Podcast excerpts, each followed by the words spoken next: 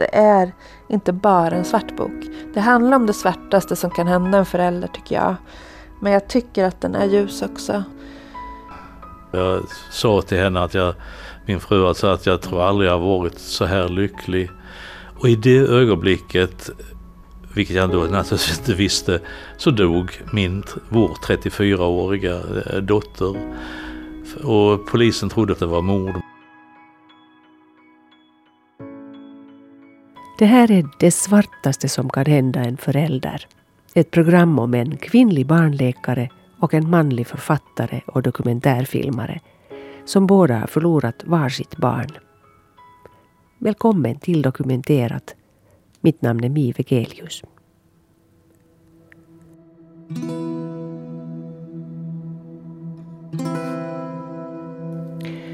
År 2016 får författaren, journalisten och dokumentärfilmaren Lasse Berg ett telefonsamtal till Sydafrika där han befinner sig med sin fru Ingrid.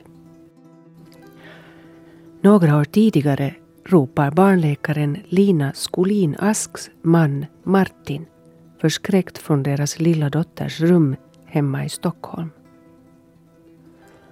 Två barn, helt oberoende av varandra, som dör allt för tidigt, långt före sina föräldrar. Skolin Asks dotter Ingrid, som endast ett och ett halvt åring, Lasse Bergs dotter Linda, som 34-åring. Nu har barnläkaren Lina Skolin Ask och författaren, dokumentärfilmaren Lasse Berg kommit ut på olika förlag med varsin bok med just deras berättelser.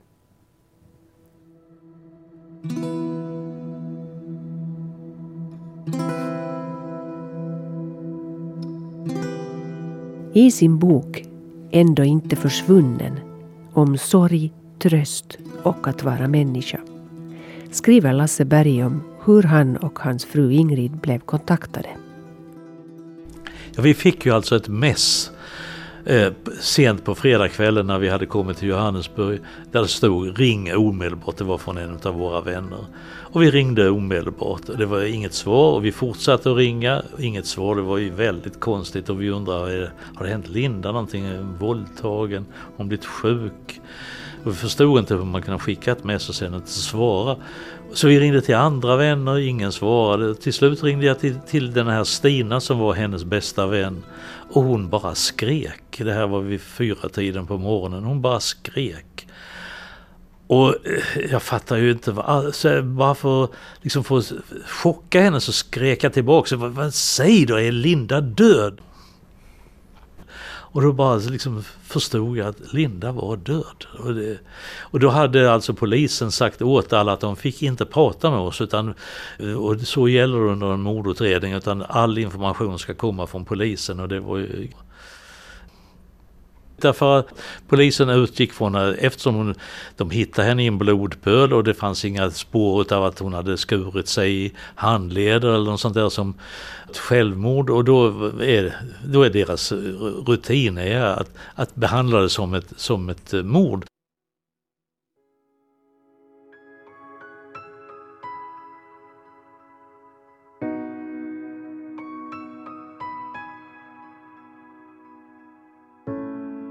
Och så här berättar Lina Skolinask om sin och sin man Martins ödesdigra dag. Um, jo men det var så här att för ungefär tio år sedan snart så var det en vanlig vinterkväll i januari.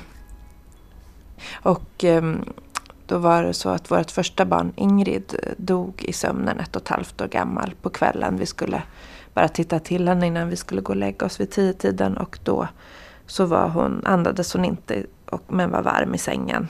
Eh, och sen den kvällen, natten, så har våra liv förändrats avsevärt. Lina Skolinask var då också höggravid med äldsta syster Ingrids lilla syster. Och som barnläkare för hennes del så... Eh, jag visste ju hur man ska återuppliva barn. Jag försökte det då, höggravid, på Ingrid. Eh, men det gick inte. Ambulansen var där fort.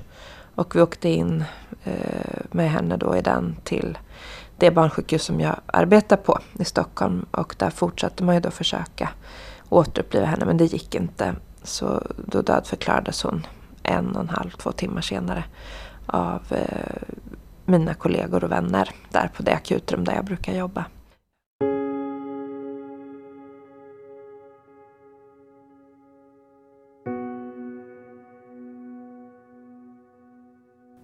I sin bok Klättra så högt du vill, för du är ju ändå redan död, beskriver Lina Skolinask det som tre svarta lådor som kom in i henne efter det här.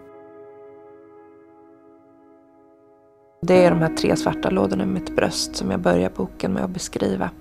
Och de är väldigt svåra att prata om tycker jag. Den ena är det här kvällen när Ingrid dog. Eh, den andra är avskedet på sjukhuset. Och den tredje handlar om begravningen. Men det man kan säga om avskedet det är att det var väldigt... Det är som ett vakuum lite grann att tänka tillbaka på. Det är mycket jag inte minns tror jag från den kvällen för det var så absurt, liksom det som hände extremt. Eh, hela vår familj kom dit inom loppet av några timmar fast de inte bodde i Stockholm. Hela min, alla som jobbade natten på akuten var ju med oss i det. De var ju tvungna att fortsätta jobba med andra barn förstås. För köerna växte ju när det, de växer när det är ett akutlarm sådär. Eh, och jag hade ju med mig hela min arbetsplats. Men det var ju en hemsk, den värsta natten i mitt liv. Och eh, jättesvårt att lämna sjukhuset. För då var ju Ingrids kropp kvar där väldigt svårt att åka hem. Eh, och komma hem till ett tomt hus med alla spår efter henne. Du var vacker. Döden var ful. Ingenting var vackert med döden. Att lämna det där rummet för avsked. Att lämna sjukhuset på natten. Bilstolen tom. Vi kunde inte köra, vi visste inte hur man gjorde. Svårt att komma hem. Odiskade vällingflaskor på diskbänken. Den röda handduken i en plastpåse i handen. Sen är det ju sådana praktiska saker som att polisen kommer och förhör när något sånt här har hänt. Det, så ska det vara. Det var helt rätt men det, är också, det blir ju helt absurt. Liksom. Så den där, den där eh, natten försöker jag inte tänka så mycket på för den gör väldigt, väldigt ont. Eh, jag har försökt beskriva den så gott jag har kunnat med de ord jag har orkat i boken. Eh, men det är som, som svarta lådor, så jag, liksom, de finns inne i mig.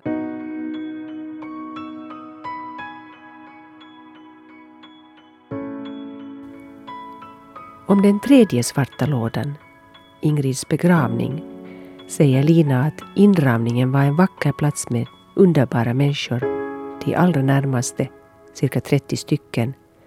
Men den stunden var overklig. Eh, och fortfarande när jag tänker tillbaka på den. Jag hade liksom velat göra om hennes begravning. Eh, på ett sätt. Alltså det var sådana beslut om musik och vi tog ju de besluten. och vi vi gjorde det så bra vi bara kunde då men det var ju liksom helt onaturligt eh, att hon dog. Så det var bara, ja, det är, det är verkligen en annan slags svart låda. De andra två är liksom så smärtsamma. Men den här är mer bara, jag orkar inte tänka på den liksom. Eh, för att den var, det var inte hon.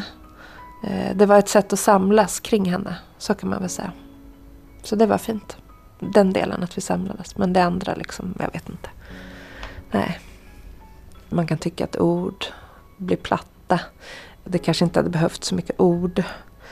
Så att jag tror att alla de här känslorna, att begravningen, att det var, liksom blev fel och liksom, det har nog att göra med att vi inte kunde acceptera att hon var död. Det tror jag. Vi kommer också in på det forskningen ofta säger att det är bra att hålla sitt döda barn i famnen. det är väl någon slags avskedsprocess, ett sätt fysiskt att förstå att barnet inte finns tror jag. Eller att det är dött. Men jag kunde inte det.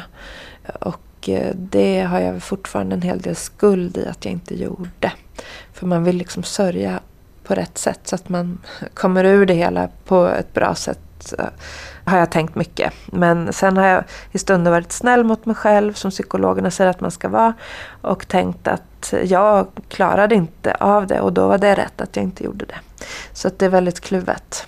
Eh, men skulden i det är väl att jag, när jag tänker på det, att eh, det var en förlängning att ha henne lite till hos mig tror jag. Om jag hade gjort det. Men om man inte klarar av det som du upplevde så då klarar man väl inte av det? Nej, Nej så är det ju verkligen.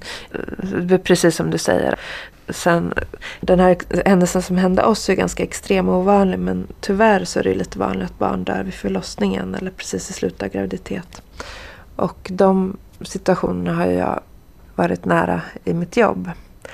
Och där eh, kan jag tänka mig att det kanske är ännu viktigare att man håller i sitt barn för då har man aldrig träffat barnet utanför livmodern. Och att verkligen förstå. Så, så det kan vara kanske ännu viktigare där. Och där tänker jag man ska absolut inte pressa någon. Men man ska erbjuda det om och om igen. Och kanske våga säga till och med att eh, många som har varit med om det här säger att, i efterhand att, att det var skönt att de gjorde det här. På många förlossningar finns en slags eh, insats, som man kan, en korg som frysklämrar i som man kan ta med sitt barn hem. Eh, just för att försöka, när barnet dör sådär vid förlossning, att man kan liksom gå igenom någon slags process, ett, ett avsked som blir väldigt abrupt där. Vi hade ju haft Ingrid i ett och ett halvt år. Så att där tänker jag att det är lite olika situationer kanske.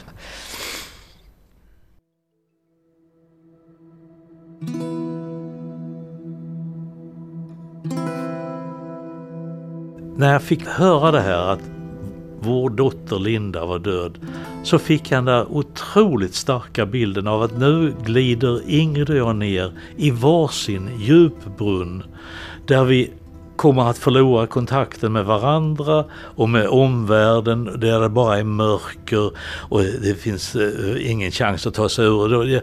Alltså jag har från min barndom i Skåne, där fanns det berättelser om de här brunnarna där man hade en ål på botten. Alltså fisken ål för att hålla den ren. Och jag har alltid tänkt på de här stackars ålarna där nere och jag kände att så kommer det att bli. Det här, det här var min fasa. Och så Eh, Ingrid var alldeles stum naturligtvis av den här chocken. Jag, jag kastade mig in i, i febrilt arbete för att liksom fixa med flygplan och sånt där. Och så tar Ingrid min hand, jag vet inte om det var efter en halvtimme eller en timme eller vad det var. Så tar hon min hand och så säger hon, vi ska klara det här tillsammans. Och jag tror inga ord har någonsin varit så betydelsefulla därför att jag förstod då att vi ska inte glida ner i de här brunnarna. Vi ska klara det här tillsammans. Men hur såg er sorg och era reaktioner, hur såg de olika ut? Ja, den där natten när jag fick det här sorgebeskedet så varken Ingrid eller jag grät. Inte efter en timme, inte efter två timmar. Framåt morgonen fick jag tag på mina andra två döttrar och då, då bröt jag samman. Då bara forsade tårarna. Därför att jag visste ju hur mycket Linda betydde för dem och, och de betydde för Linda. Och, eh,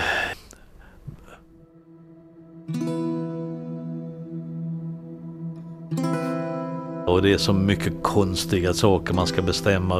Hur ska kistan se ut och vad ska hon ha för kläder på sig? Ska hon ha med sig sin älsklingsnall? Alltså bisarra saker. Jag är så borta att jag har svårt att minnas vem som var där under begravningen. Men jag ser den brokiga blandningen som defilerar och tafatt placerar ut varsin blomma på den vita kistan. Mumlar någonting ohörbart tittar ner. Våra gamla vänner, Lindas vänner och deras barn som tytt sig till henne. tuffa invandrarkillar med handen i byxfickan och tårarna strömmande. Så att efter begravningen så kommer det någon sorts utandning. Och vi bestämde oss då, vi fick ett erbjudande från en, en väldigt nära vän i Kalifornien att kom hit så får ni bo här hos mig eh, några veckor, en månad. Och ni får göra vad ni vill och vill ni åka runt här och, och titta så gör det, vill ni bara ligga, gör vad ni vill. Och vad som hände var att vi, vi åkte dit, underbart och vi gjorde en del saker tillsammans. Och vi har gråtit framför en enarmad bandit i Las Vegas och i en helikopter över Grand Canyon och i öknen. Och, men det vi gjorde var att i grunden var att Ingrid la sig på den här gräsmattan i den kaliforniska solen och tittade på alla fjärilar och kolibrier som alla för henne var en sorts budskap från, från Linda på ett eller annat sätt. Hon är inte religiös på något vanligt sätt men hon, hon kände en oerhörd det här med fjärilarna var, var, så otroligt betydelsefullt och de, de, finns ju med på bokens omslag också och även inne i boken finns spåren av de här fjärilarna. Och den här Lasse Berg, hur, hur gjorde han? Jo, han satte sig framför väninnans enorma Samsung-TV. Och det här var i februari, mars 2016 och det var då Trump eh, gick fram för att bli Republikanernas presidentkandidat och jag följde det här via den värsta kanalen av alla Fox, Fox News. Jag var så otroligt fascinerad utav detta ohyggliga som ägde rum framför mina ögon. Jag, jag satt timme efter timme och liksom jag såg hur världen skulle gå under om den här mannen fick, blev president mot alla rimliga tankar. Och hur det passade in. Linda död, naturligtvis kommer världen att gå under. Det, ja, på, på något konstigt sätt så Donald Trump räddade mitt liv.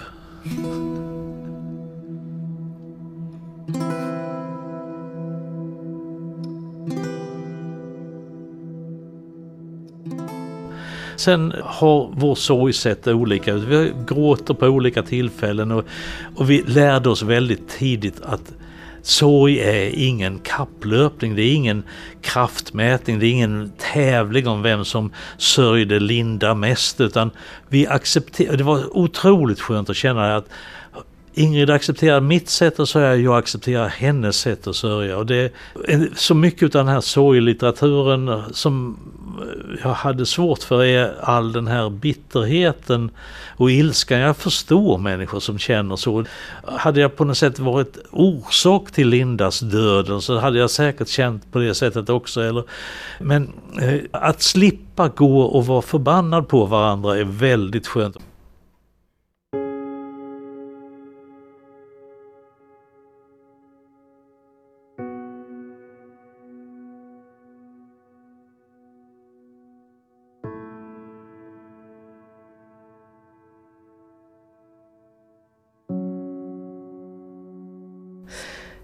Och sen har vi beskrivit beskriver det i boken. Vi har en gång bråkat om den här episoden, men aldrig mer. I natt var det för jävligt. Värre än andra nätter. Anklagelserna mot varann. Till sist var de där. Anklagelserna. Vi har försökt hålla dem ifrån oss så länge. De fula orden mot varann. Jag tror att det var mest anklagelser från mitt håll. Tröttheten och sorgen tog över och gick in i helt fel kanal. Tänk om vi hade gjort saker på andra sätt den där kvällen. Om vi hade kunnat förhindra eller upptäckt i tid. Mitt i natten kom de där orden till ytan. Sedan begravde vi dem. Vissa saker man säger till varandra är svåra att ta sig förbi. Men redan innan det var morgon var orden förlåtna. Vi hade det bra innan. Eh, har man inte bra innan och så händer något sånt här, då har jag full förståelse att man inte lyckas hålla ihop det. Så har vi varit snälla mot varandra, det tror jag. Och gråtit mycket har ni också. Ja, det har vi gjort. Och jag fortfarande. Och jag ser så väl när Martin har det. är ofta när det är en trött period. Liksom, då kommer gråten lättare. Och då säger jag, gå och lägg den och sov. Liksom. så vi har lärt oss hitta lite verktyg. Att, alltså man måste få vara ledsen. Men det, då kommer ledsenheten liksom ikapp. Och det är bra att den gör det tror jag. Men sen kan den ta tag lite för mycket. Och då är det bättre att ta hand om sig och gå och sova lite. Så vi, ja, men vi hjälper varandra i det där. Men vad betyder gråten? Så. Det för mig är det liksom att det är öppna kanaler. Då, då släpper jag ut eh, ångest rent krasst tror jag. Man blir väldigt trött efteråt men det blir ju liksom en tröst som kommer. Alltså jag, jag tycker att det hjälper att gråta. Jag brukar säga så här, jag tror inte på Gud men jag tror på människan. För det här, allt det här i och med Ingrids död, det är så mycket godhet som har kommit fram från alla möjliga människor. Så vi har verkligen fått erfara liksom att vi inte var ensamma. Man känner sig extremt ensam när något sånt här händer. Fastän man är mitt i ett socialt sammanhang. Men vi blir påminda om så många runt omkring. Men sen så var det ju så här att det var några som inte hörde av sig och någon som liksom bytte trottoarsida. Och det blev vi ju så förbannade på. Och det var ju extremt få jämfört med hur många som ställde upp och bara fanns och visade. Och det där och sen blev vi arga någon gång på alla blommorna. Och jag bara tänkte, gud vad kostar alla de här blommorna? Vi hade blommor i hela huset liksom. Eh, och den där ilsken var väl egentligen all sån där ilska var väl egentligen att vi var arga på att det hade drabbat oss, hela det här. Och, och till och med som psykologerna sa, man kan till och med vara arg på den döda. Och det var jag till slut, vissa dagar arg på Ingrid. Så varför dog du? Men då, egentligen, kärnan är väl att man bara är arg på det som har hänt. Men om vi tänker på de jobbigaste reaktionerna från omgivningen, fanns det sådana? Ja, det största felet man kan göra tycker jag är att inte höra av sig. Men det var väl några grejer som liksom blev tokiga. Det är när folk kanske har väldigt mycket egen ångest ehm, och går in i den. Inte gråter för min skull utan för sin egen skull. Rädslan över att det ska hända deras barn eller gråten över något de har varit med om. Det vet jag att jag kände att jag hade inte utrymme för. Och så var det några exempel på, men det var ju folk jag inte kände så väl, men som nästan ville ha en garanti från mig. Mycket som barndoktor, men också drabbad att det här kommer inte hända deras barn. Liksom. Och det kunde ju inte jag lova. Och där lärde jag mig säga efter ett tag, men hörru du, jag är bara mamma i det här. Och sen var det lite jobbigt ibland när, folk ville prata om dödsorsak eftersom vi fortfarande inte vet. Och där sa jag också, men jag är bara mamma i det här. Jag kan inte ens spekulera. Liksom. Det känner jag ingenting till. Så det var jobbigt men samtidigt, det är inte, jag kommer knappt ihåg vem det var som sa de här grejerna.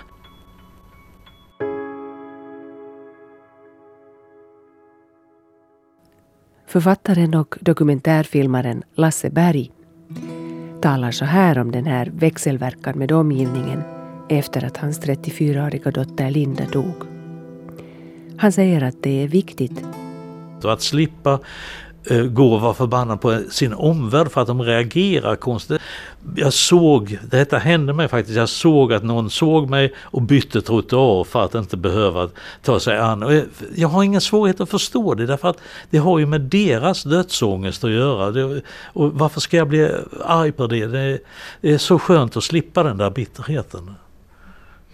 Men var det så att du också överraskades av dina egna reaktioner? Ja, i allra högsta grad. Därför att jag upplevde någonting som jag inte har stött på i den här sorgelitteraturen.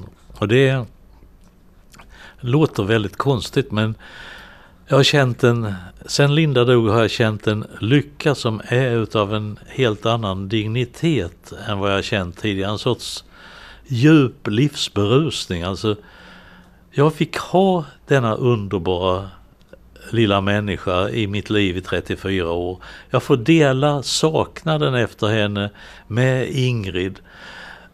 Linda dog, jag har kvar livet. För Lindas skull måste jag ta vara på varenda sekund utav livet och det här, här bubblar upp då och då. Den här ja, en sorts berusning över att, att, att jag fortfarande har kvar livet och, och vilken lycka det är. Alltså, jag har varit lycklig ofta i mitt liv men, men det här är utav en annan sort. Det är eh, mycket det är svårt att få sätta ord på den, mycket djupare, mycket djupare lycka.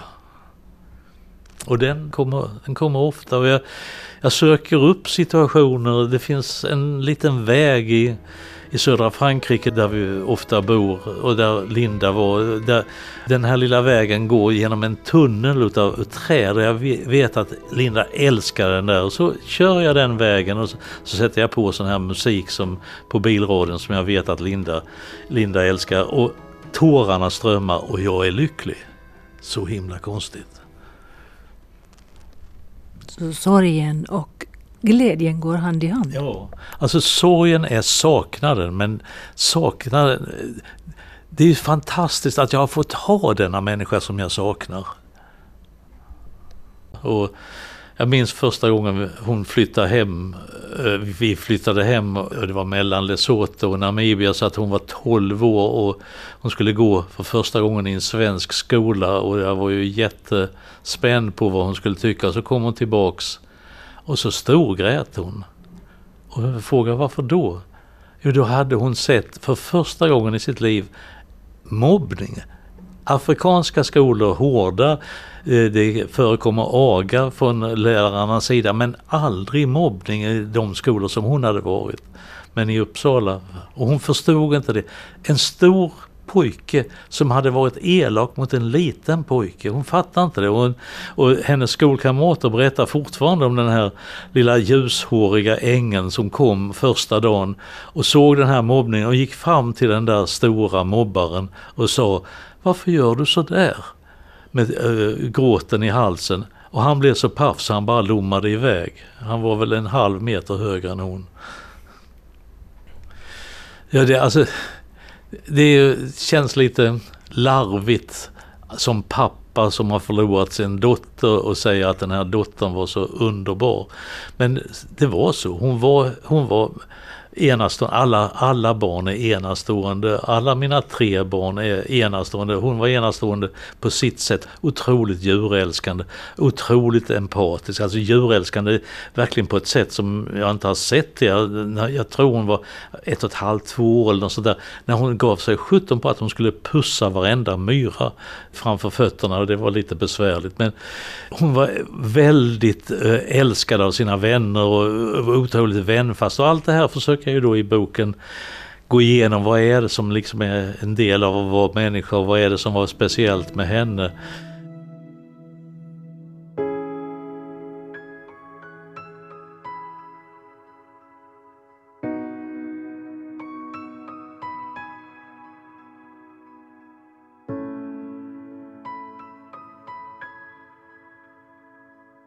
Lasse Bergs dotter Linda fick alltså leva i 34 år här på jorden. Medan barnläkaren Lina Skolinasks dotter Ingrid var ett och ett halvt år när hon plötsligen dog. Om hennes lilla syster säger Lina så här. Och hon fanns ju redan i, i vår familj när Ingrid levde eftersom hon var, fanns i magen och var inräknad. Så att, men hon, ehm, det var ju fantastiskt när hon, att hon föddes. Det hjälpte inte bara oss utan hela vår släkt och omgivningen. Och det var ju liksom en seger i det nattsvarta på något vis. Men Ibland får jag en känsla av att vissa i omgivningen har en föreställning om att vi tror att lillasyster ska ersätta Ingrid. Att vi till och med ska döpa henne till Ingrid.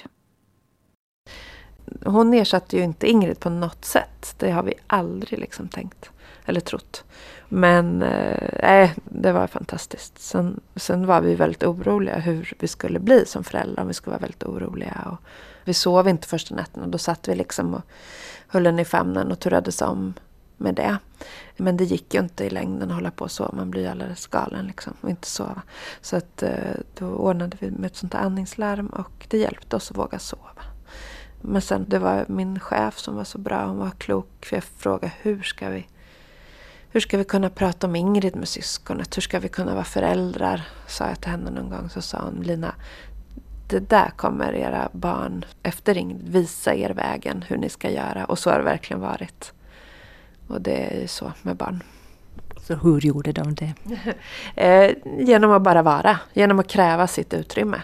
De backar inte undan för att vi är ledsna. Liksom. Speciellt inte när man är liten. Det kan de ju göra nu men jag tycker inte att de gör det. Och det är nog att vi har varit så... så för sen kom det ett syskon till då, ett år senare så nu är de två. Och och har med Ingrid liksom i vardagen, i familjen. Men försöker också att hon inte får ta för stor plats och bli någon slags helgon. Liksom. Vi har varit så öppna i sorgen. Så har, vi har fått med oss så många i den på ett sätt som jag tycker är sunt. Att liksom prata om det här. Det är inte så att jag vill identifiera mig med sorg och ett barn som är, är Eh, det vill jag verkligen inte. Jag har så mycket annat i mitt liv också. Men det handlar ju på något vis om livet lika mycket. Döden och livet är på något vis samma sak tycker jag. Eller de är varandras förutsättning. Och eh, därför så tycker jag att Ingrid verkligen har, henne, både hon som person och hennes död och det här som plötsligt drabbade har blivit som en liten katalysator för så mycket samtal, relationer. Och på så sätt tycker jag att folk blir påminda om dels vad som snabbt, bara helt plötsligt kan drabba men också vad man har, vad som är viktigt. Och, ehm, och därför tycker jag att det är så många som sörjer henne som faktiskt kanske inte ens har träffat henne. Men också väldigt många som har träffat henne och som förstår att hon är med oss hela tiden.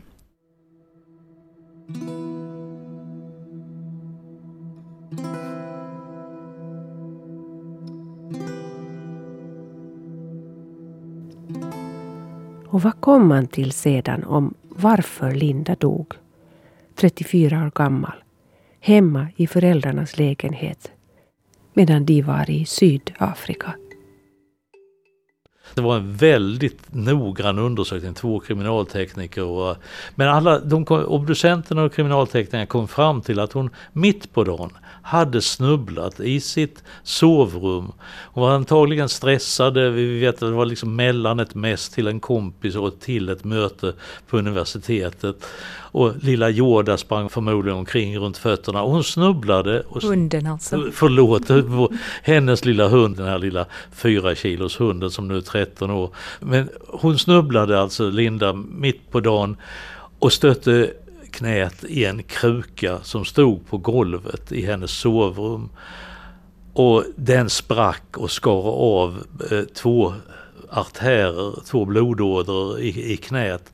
Och hon dog förmodligen väldigt snabbt och det finns inga spår av att hon kröp mot dörren eller mot sin mobiltelefon. så att man tror att hon kanske fick en eh, smärtchock och blev medvetslös. Och, eh, så att det gick förmodligen ganska snabbt. Och eh, det här Alltså när, när kriminalteckningarna berättade det här för oss, de var ju väldigt, de sa att de hade aldrig varit med om något så här tidigare. Men de visade också ett foto på den här krukan och det var en sån lättnad att se, det här låter ju bisarrt men att det var en kruka hon själv hade köpt. Att det var ingen kruka som jag hade köpt eller som Ingrid hade köpt. Och hade jag köpt den hade jag ju gått och grämt mig över det eller tänkt på det hela tiden. Tänk om jag hade låtit bli att köpa. Men det var så skönt att slippa känna den där att det var vår skuld eller vårt fel på något sätt.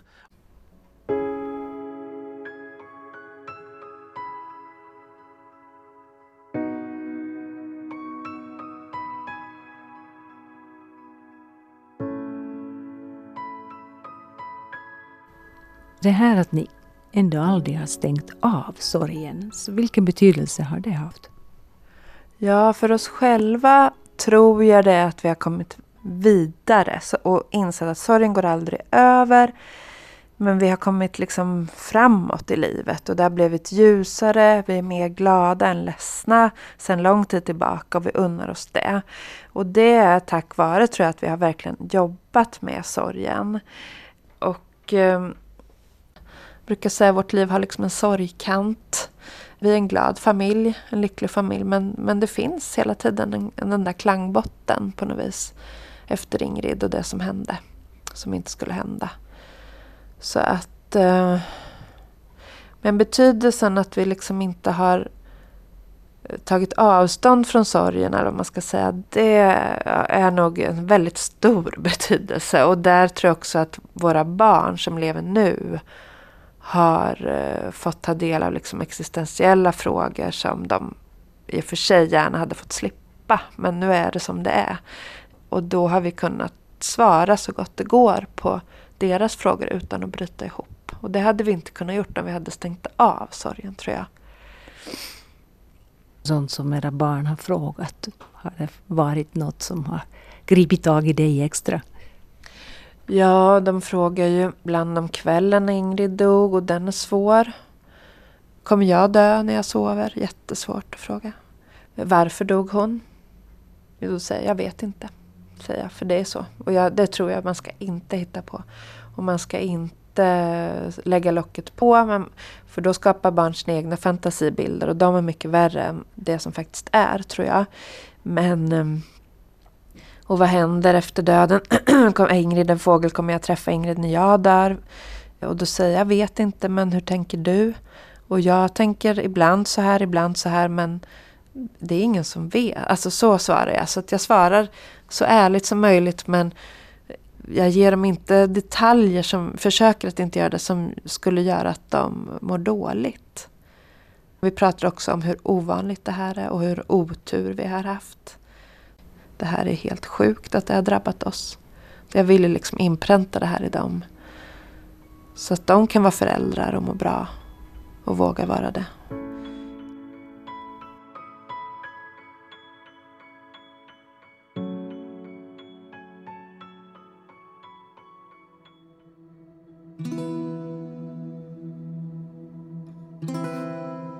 Linda var unik och därför är sorgen allestädes närvarande helt oberoende av hur många andra av mina barn som finns kvar i livet. Den finns alltid där. Sliter, viskar, värmer. En människa med just hennes personliga drag kommer jag aldrig mer att få möta. Hon finns visserligen närvarande i mitt inre, men det hjälper inte alltid.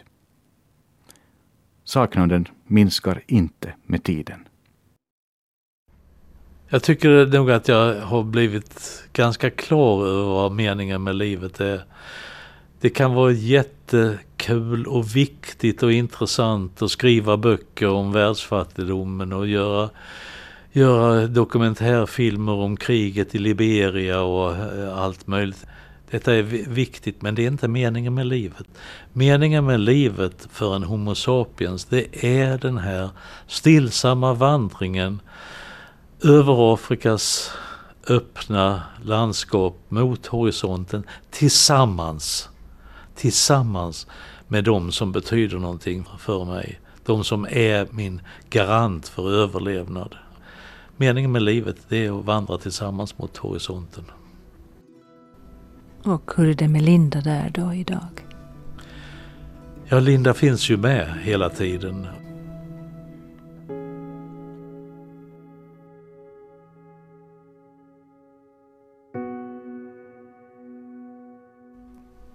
Titeln på din bok är alltså då Klättra så högt du vill, för du är ju ändå redan död. Ja, jag tycker den innefattar väldigt mycket. Jag släpper upp Ingrid i ett träd och liksom jag har en bild i huvudet. Det är ett pilträd. När jag är ute och går med lilla syster i vagnen, eller med båda systrarna. Och då tänker jag själv att nu sitter hon där uppe och nu får hon faktiskt klättra hur högt hon vill. Och så lämnar jag henne där. Och det är väldigt svårt. Jag beskriver att jag vänder mig inte om för då hade jag inte velat gå hem. Men jag låter henne sitta kvar där och eh, det är också ett sätt att visa att vi har kommit vidare. Det har inte gått över men vi, vi tar en paus från sorgen ibland och från Ingrid för att vi behöver det. Och då får hon sitta där i trädet. Men sen kommer hon till oss igen så hon finns ju med. Men, men titeln ska visa om det också. Att vi har det ljusa i sorgen. Att hon får vara i fred lite grann. Och vi får vara i fred lite grann. Hon får ta lagom plats.